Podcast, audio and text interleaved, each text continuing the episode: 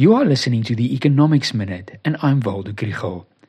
The minister has already said that he does not plan to announce tax increases tomorrow, but it makes sense to think about it for a moment. Is there room to raise taxes to be able to spend more on grants and bailouts?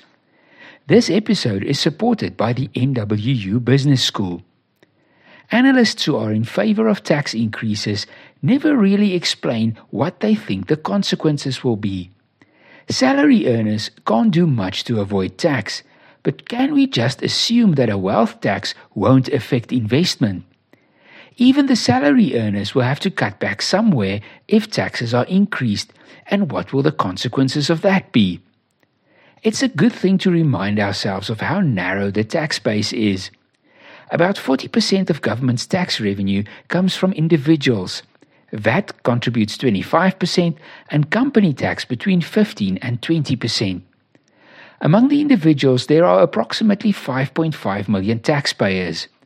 Of them, 1.2 million people earn more than 500,000 rands per year, and they contribute 65% of personal income tax.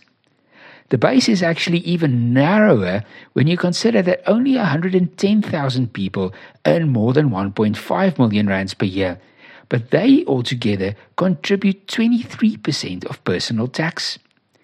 Among the companies, it's a similar story.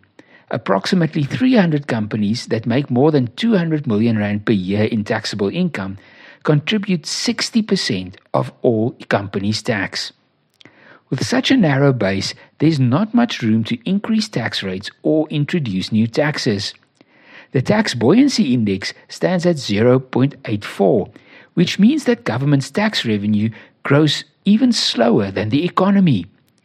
Actually, we need more taxpayers, but for that, the economy needs to grow and create jobs.